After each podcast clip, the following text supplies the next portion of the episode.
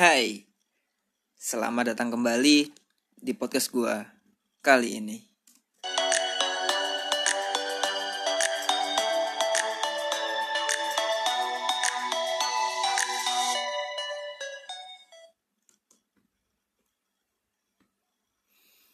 Oke, jadi di podcast kali ini gua akan ngebahas satu hal yang agaknya sedang kita alami atau mungkin sebagian dari kita sedang rasakan yaitu rasa kurang percaya diri membanding-bandingkan diri dengan orang lain merasa bahwa diri sendiri lebih rendah daripada orang lain merasa bahwa kehidupan orang lain lebih nyaman dibandingkan kehidupan kita atau yang lebih dikenal dengan insecure coba. Ini nggak tahu ya gue cara ngebacanya bener apa enggak pokoknya gini nih kata-katanya. Insecure. Insecure. ya gitu ya. Karena banyak banget di saat sekarang ini ya orang-orang yang menganggap bahwa dirinya itu lebih rendah daripada orang lain. Mungkin dari segi contohnya ya dari segi prestasi dari segi penampilan hmm, keuangan mungkin. Pokoknya banyak banget orang-orang di luar sana yang ngerasa bahwa kehidupannya itu nggak nyaman. Kehidupan orang lain itu jauh lebih baik daripada kehidupannya sendiri. Dari artikel yang gue baca uh, insecure itu sendiri memiliki, memiliki tiga bagian dibagi menjadi tiga. Yang pertama adalah rasa tidak percaya diri yang berhubungan dengan diri sendiri. Misalkan perasaan takut uh, kurang percaya diri dan yang lainnya. Yang kedua adalah rasa mau ngomong insecure dan rasa tidak percaya diri jadinya rasa yang kedua adalah rasa tidak percaya diri karena interaksi sosial seperti bullying merasa tidak mendapatkan dukungan dari orang tua maupun teman merasa kesepian mungkin dan yang ketiga adalah rasa tidak percaya diri karena realita kehidupan. Seperti misal ketidakpastian masa depan, ketakutan dan ataupun trauma kejahatan. Ini kayaknya musiknya dah.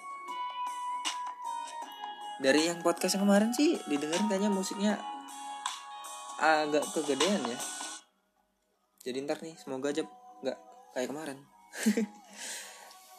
Oke, jadi yang kategori pertama yang rasa insecure berhubungan dengan individu diri sendiri itu banyak banget dirasain. Karena banyak banget teman-teman di luar sana yang mungkin ngerasa kurang percaya diri ketika mencoba untuk bergaul dengan orang lain, mencoba untuk berinteraksi dengan orang lain, dan mungkin e, rasa tidak percaya diri ini akan berdampak pada kehidupan sosial mereka ya. Kalau lo nggak percaya diri sama apa-apa yang lo bisa, ya hidup lo nggak bakal maju. Lo harus percaya diri, lo harus percaya dengan diri lo sendiri bahwa lo bisa ngelakuin apa-apa yang lo, lo suka. Karena semuanya berawal dari rasa percaya diri. Salah atau benernya itu belakangan karena kalau salah pasti ada orang yang mau ngebenerin mau ngasih tahu supaya tidak melakukan kesalahan yang sama tapi kalau lu udah nggak percaya diri ya lu nggak bakal mulai apa apa cuman ngestak aja di situ lalu yang kedua karena interaksi sosial seperti bullying atau tidak mendapatkan dukungan. Ini mungkin banyak dialami uh, teman-teman yang ada di masa sekolah. mungkin orang tuanya mengharapkan bahwa ia harus bisa mendapatkan nilai yang bagus di setiap mata pelajaran.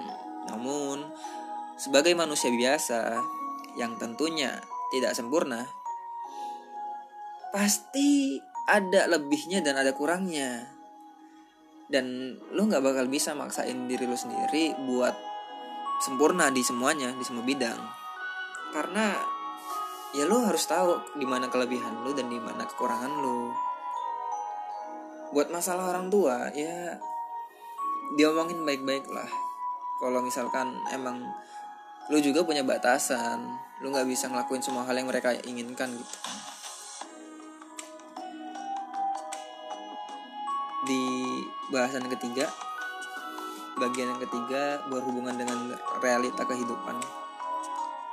Seperti ketidakpastian masa depan, ketakutan atau kejahatan. Sebenarnya ketiga bagian ini definisi yang bisa def, tiga apa coba tiga bagian definisi dari insecure ini saling berhubungan karena ketidakpastian masa depan itu juga akibat dari dukungan orang tua? Apakah orang tua dan teman sekitar mendukung apa-apa yang lo kerjakan? Atau mereka malah menjatuhkan? Dan itu juga berhubungan dengan rasa percaya diri lo. Ketika lo bisa ngebuat sebuah komitmen untuk ngelakuin apa-apa yang lo suka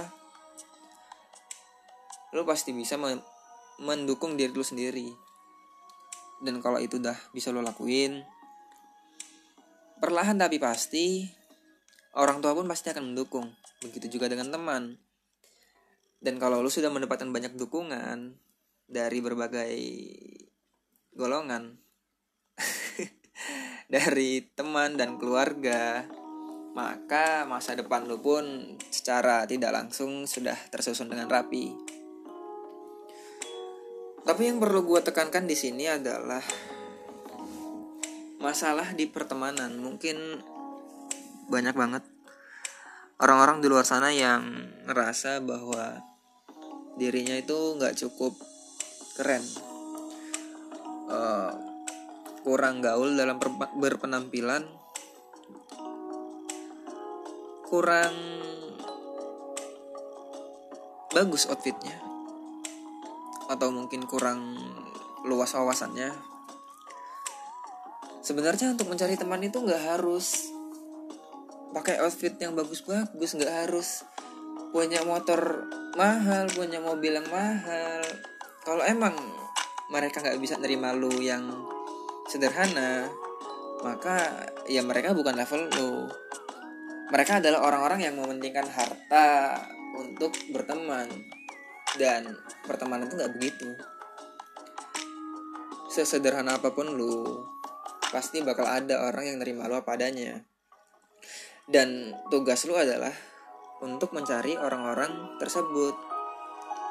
Lu nggak harus maksain harus temenan sama mereka-mereka yang mobilnya bagus-bagus uangnya banyak kalau makan ke restoran mewah terus. Nggak harus gitu lu nggak harus ngimbangin pergaulan yang merugikan buat lu lu hanya harus mencari teman-teman yang satu frekuensi. Mencari teman-teman yang mengerti keadaan lu sekarang. Atau mungkin lu ngerasa nggak percaya diri lu ngerasa insecure karena lu kurang bisa di salah satu mata pelajaran misalnya. Lu nggak bisa kimia mungkin. Nggak bisa fisika nggak bisa biologi. Bukan nggak bisa sih kurang lah kurang bisa kurang memahami. Mungkin karena sulit. Ya lu harus lu harus bisa untuk menunjukkan kelebihan lu misalkan lu nggak uh, lu nggak bisa di kimia tapi lu jago di geografi ya lu tunjukin bakat lu lu nggak bisa di kesenian tapi lu jago olahraga ya lu tunjukin bakat lu di olahraga karena gue percaya bahwa setiap manusia memiliki kelebihan dan kekurangannya masing-masing. Jangan jadikan kekurangan lu itu sebuah hambatan, tapi jadikanlah kelebihan lu sebagai batu lompatan. Karena ada satu hal yang mungkin perlu diperbaiki. Ketika lu jago dalam masalah olahraga, sangat berbakat di bidang olahraga, namun kurang bisa di sejarah sejarah Indonesia, sejarah perang dunia, sejarah dunia, sejarah apa pun itu. Banyak orang-orang yang malah menempatkan dirinya di dalam suatu pendidikan tambahan atau les di bidang yang dia tidak bisa, seperti sejarah itu. Kenapa lo harus mencoba untuk memperbaiki yang lu tidak bisa sedangkan lu bisa terus mengasah skill yang lu punya kalau lu emang nggak bisa sejarah lu nggak bisa matematika lu nggak bisa kimia ya udah. Jangan dipaksain. Tapi kembangin terus apa yang lu bisa. Nggak harus semua orang itu bisa melakukan segalanya. Lo nggak harus jadi orang yang sempurna. Bisa olahraga bisa bahasa Inggris bisa mengerti tentang hukum. Nggak harus begitu. Satu aja udah cukup. Satu kak satu keahlian satu kemampuan. Asalkan lu asah dengan benar. Asalkan lu latih dengan benar. Udah cukup buat ngebuat. Udah cukup untuk membuat masa depan lu tertata. Jadi nggak harus maksain diri. Tapi kalau emang mau nambah kemampuan mau nambah skill ya nggak apa-apa nggak masalah juga. Asalkan seenggaknya lu punya satu skill yang udah lu kuasai. Misalnya lu ahli di bidang teknologi. Kalau lu udah bener-bener bisa lu udah bener-bener menguasai apa yang lu tekuni saat ini lu boleh untuk mencoba hal-hal baru. Tapi kalau satu pun belum bisa ya latihan lagi belajar lagi dan asah kemampuan lu karena gue percaya tentang satu kata uh, satu kalimat yang menurut gue bagus banget setiap hewan itu memiliki kemampuannya masing-masing tapi kalau lu mengumpulkan ayam harimau ikan, burung, kambing dalam satu tempat dan menguji kehebatan mereka berdasarkan tes berenang. Maka yang bodoh itu bukan hewannya, tapi lo yang menguji mereka dengan tes itu. Dan yang gue percaya adalah sama seperti filosofi tersebut, sama seperti kalimat tersebut, bahwa setiap orang memiliki kelebihannya masing-masing dan kalau ada orang yang mengukur uh, kemampuan seseorang berdasarkan satu hal yang bodoh itu dia karena ada orang yang sangat cerdas matematikanya. Ada orang yang menguasai dengan baik bahasa Inggris. Ada yang orang ada orang yang menguasai teknologi. Ada ahli kimia. Dan kalau semuanya dijadikan satu dan diukur kecerdasannya berdasarkan tes bahasa Inggris, ya nggak bakal ketemu, nggak bakal bisa karena mereka ada di bidangnya masing-masing. Begitu juga dengan lu, lu harus cari tahu, lu bagus di bidang apa, lu punya kelebihan di bidang mana, dan itu yang harus harus lo asah cuma ya ada beberapa orang tua yang mungkin mengharuskan bahwa anaknya harus peringkat satu, anaknya harus mendapatkan nilai yang bagus di semua mata pelajaran, anaknya harus menguasai semua mata pelajaran, harus bisa ini, bisa itu, bisa ini, bisa itu. Coba lu omongin ke orang tua lu. Omongin kalau lu juga punya batasan. Lu memiliki kelebihan di bidang A namun juga memiliki kekurangan di bidang B. Jelasin aja jangan ragu untuk mengangkat untuk jangan ragu untuk berkomunikasi dengan orang tua. Dan kalaupun orang tua masih maksain ya kasarnya lu tanyain aja orang tua lu. Emang mereka ngerti bahasa Inggris? Mereka paham tentang teknologi? Mereka ahli di ilmu kimia? Kan nggak juga nggak mungkin mungkin ada be- beberapa orang tua yang memang cerdas. Tapi kan nggak semua. Nggak semua bidang dia pahami nggak semua bidang dia kuasai. Jadi ya wajar. Wajar aja kalau emang lu punya kekurangan di satu dua hal. Dan itu emang nggak masalah itu manusiawi itu biasa. Kadang-kadang yang ngebuat kita nggak percaya diri itu adalah pola pikir kita sendiri. Bahwa kalau kita nggak menguasai semua bidang maka kita itu bodoh. Itu pola pikir yang salah.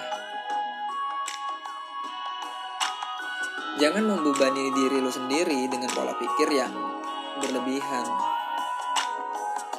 Coba ubah pola pikir lu dari yang harus bisa menguasai semua bidang menjadi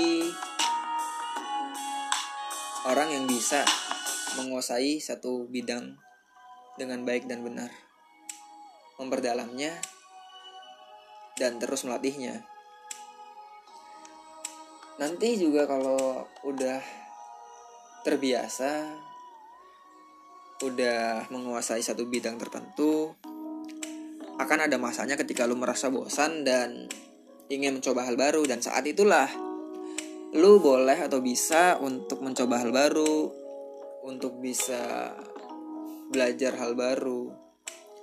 Karena kalau lu paksain semuanya sekarang malah acak-acakan. Malah nggak beraturan. Di mana yang harusnya lu fokus ke satu hal malah fokus lu terbagi menjadi beberapa hal dan kurang efektif buat hal yang lu kuasai.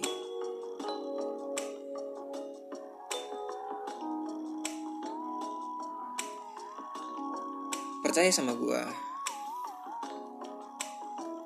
lingkaran pertemanan itu luas. Kalau emang lu nggak diterima di suatu tongkrongan ya nggak masalah. Karena akan ada orang-orang yang menerima lu dengan segala kekurangan lu dan segala kelebihan lu. Memiliki sedikit teman itu bukan suatu hal yang harus dikhawatirkan. Terkadang sedikit teman yang satu frekuensi jauh lebih menyenangkan daripada banyak teman namun berbeda frekuensi.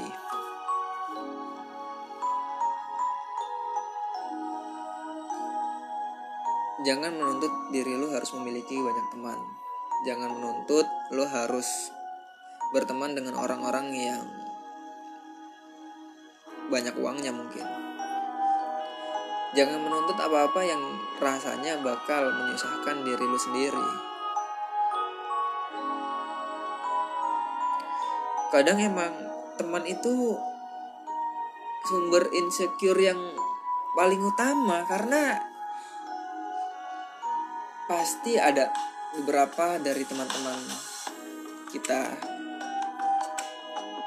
yang mungkin memiliki kelebihan keuangan, memiliki kelebihan kecerdasan, bukan kelebihan yang berlebih ya, maksudnya kelebihan kecerdasan gimana coba? Kelebihan di bagian ilmu pengetahuan gitu ya. Ya saran dari gua sih setiap orang itu punya timelinenya masing-masing. Setiap orang itu punya ceritanya masing-masing. Jalan cerita lu sama jalan ceritanya dia berbeda. Mungkin jalan cerita lu yang saat ini sedang lu lalui sedang tidak bagus. Dan jalan ceritanya mereka baik-baik aja. Percaya sama gua tenang aja. Jangan terlalu dipikirin. Karena mungkin lima tahun mendatang jalan cerita lu bakal menjadi jalan cerita yang terbaik. Akan sangat bagus dan akan sangat menyenangkan buat diri lu.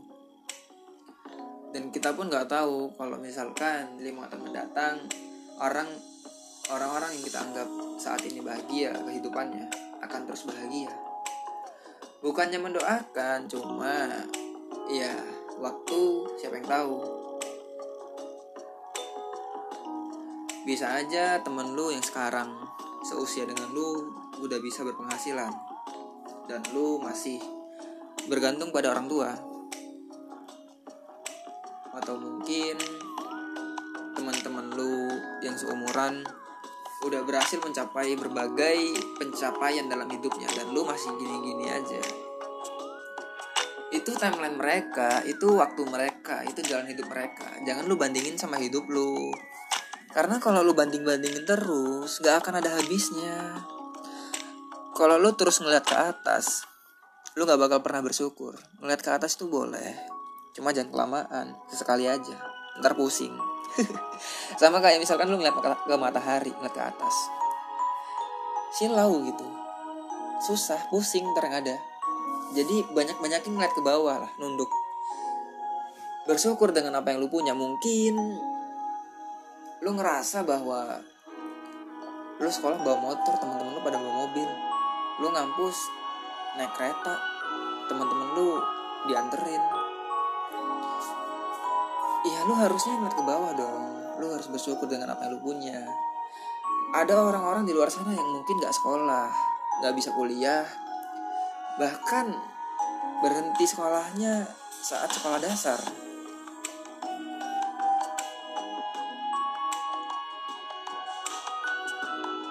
Lu harus bisa lebih sering untuk melihat ke bawah daripada melihat ke atas mungkin di luar sana ada orang-orang yang sekedar untuk makan pun susah. Ada orang-orang yang harus bekerja seharian penuh demi sesuap nasi. Sedangkan lu masih ngebanding-bandingin diri lu sendiri yang hidupnya udah nyaman, bergantung dengan orang tua, tiap hari dikasih uang.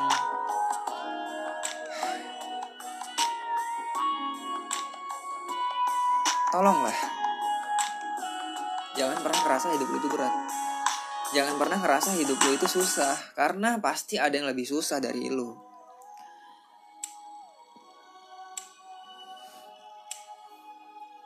Menginginkan kehidupan seperti apa yang orang lain miliki itu boleh. Tapi jangan memaksa. Kalau emang nggak bisa ya ya udah.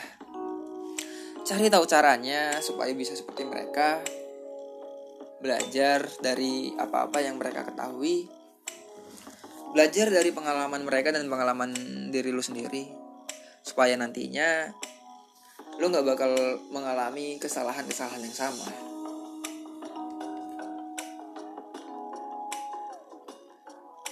Jangan pernah merasa bahwa lu nggak dapet dukungan dari teman lu lu nggak dapet dukungan dari orang tua lu sebenarnya mereka itu ngedukung lu. Cuma ada hal yang harus diperbaiki yaitu gimana cara mereka ngedukung apa-apa yang lo lakuin. Bukan dengan memaksakan kehendak mereka bukan dengan menekan lo yang harus sempurna di segala hal tapi lu harus ngomong ke mereka. Mereka harus ngerti kalau dukungan yang lu butuh adalah menerima lu apa adanya. Mendukung lu dengan apa-apa yang lu miliki sekarang. Support lu dengan apa-apa yang lagi lu kerjakan. Karena orang-orang yang begitu udah jarang. Sebagian orang mungkin menilai bahwa apa yang lu lakuin itu seakan-akan mudah. Ah cuman gini doang padahal mereka sendiri belum tentu bisa untuk melakukannya. Maka dari itu, carilah orang-orang yang mau ngedukung lu dengan apa-apa yang lu lakuin sekarang cari temen yang bisa mengkoreksi lu mengkritik lu dan menasehati lu tanpa harus menjatuhkan lu karena percuma kalau lu punya temen yang bisanya cuma ngejatuhin lu. Lu kayaknya harus ganti pertemanan. Lu harus keluar dari dari lingkaran tersebut. Susah. Kalau emang orang-orang di sekitar lu sendiri nggak ngedukung apa yang lu lakuin. Kadang menyemangati diri sendiri itu emang nggak semudah kata-kata yang diucapkan pasti kita butuh dukungan dari orang lain orang lain.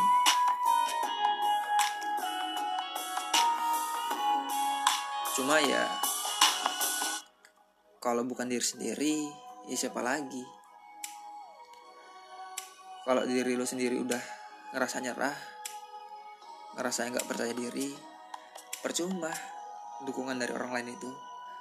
Karena diri lu sendiri aja udah nggak percaya sama apa-apa yang lu bisa.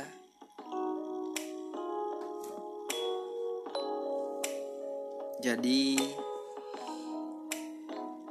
saran dari gua udahlah. Cukup sampai di sini perasaan yang menjadi beban itu. Cukup sampai di sini kebiasaan yang selalu membanding-bandingkan diri sendiri dengan orang yang jauh di atas kita coba bandingkan kehidupan kita dengan orang-orang yang jauh di bawah kita. Maka dengan begitu kita akan sangat bersyukur. Udahlah, jangan terus-terusan mempertahankan pertemanan yang gak sehat.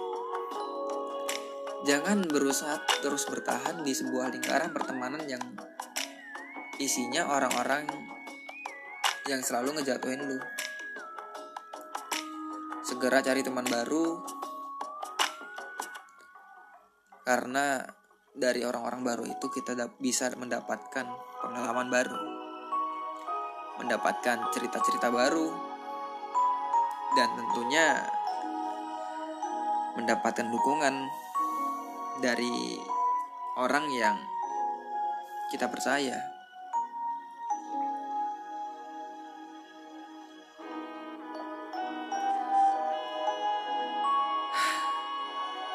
mungkin itu aja. Podcast singkat dari gua. Semoga kalian semua tetap percaya diri dengan apa-apa yang bisa kalian lakukan. Jangan dengarkan kata oh, jangan dengarkan omongan orang lain yang menjatuhkan. Ambil sisi baiknya buang jauh-jauh sisi buruknya. Kalau emang kata-katanya bener ya terima kalau emang nggak bener ya nggak usah dihiraukan. Biarin aja orang ngomong. Karena kita nggak punya cukup tangan untuk menutup mulut mereka semua. Namun kita memiliki dua tangan untuk menutup telinga kita. Cukup untuk tidak mendengarkan kata-kata mereka. Nantinya juga mereka bakal capek. Maka dari itu tetap semangat melakukan apa-apa yang kalian suka, tetap semangat melakukan hal-hal yang kalian inginkan dan terus kejar mimpi kalian sampai dapat kalau kata orang-orang teruslah bekerja keras sampai orang-orang mengira hartamu adalah harta pesugihan.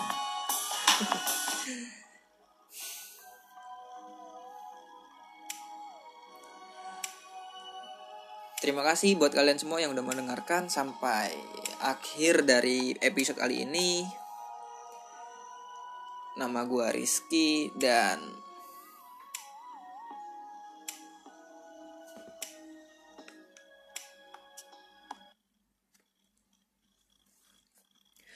Buat kalian yang mau cerita ataupun mau berkeluh kesah ke gue, silahkan email aja langsung ke email podcast cerita at gmail.com emailnya ada di bawah gue nantikan cerita kalian secepatnya karena gue sangat suka mendengarkan cerita orang lain Sampai jumpa di episode berikutnya. Dan selamat malam.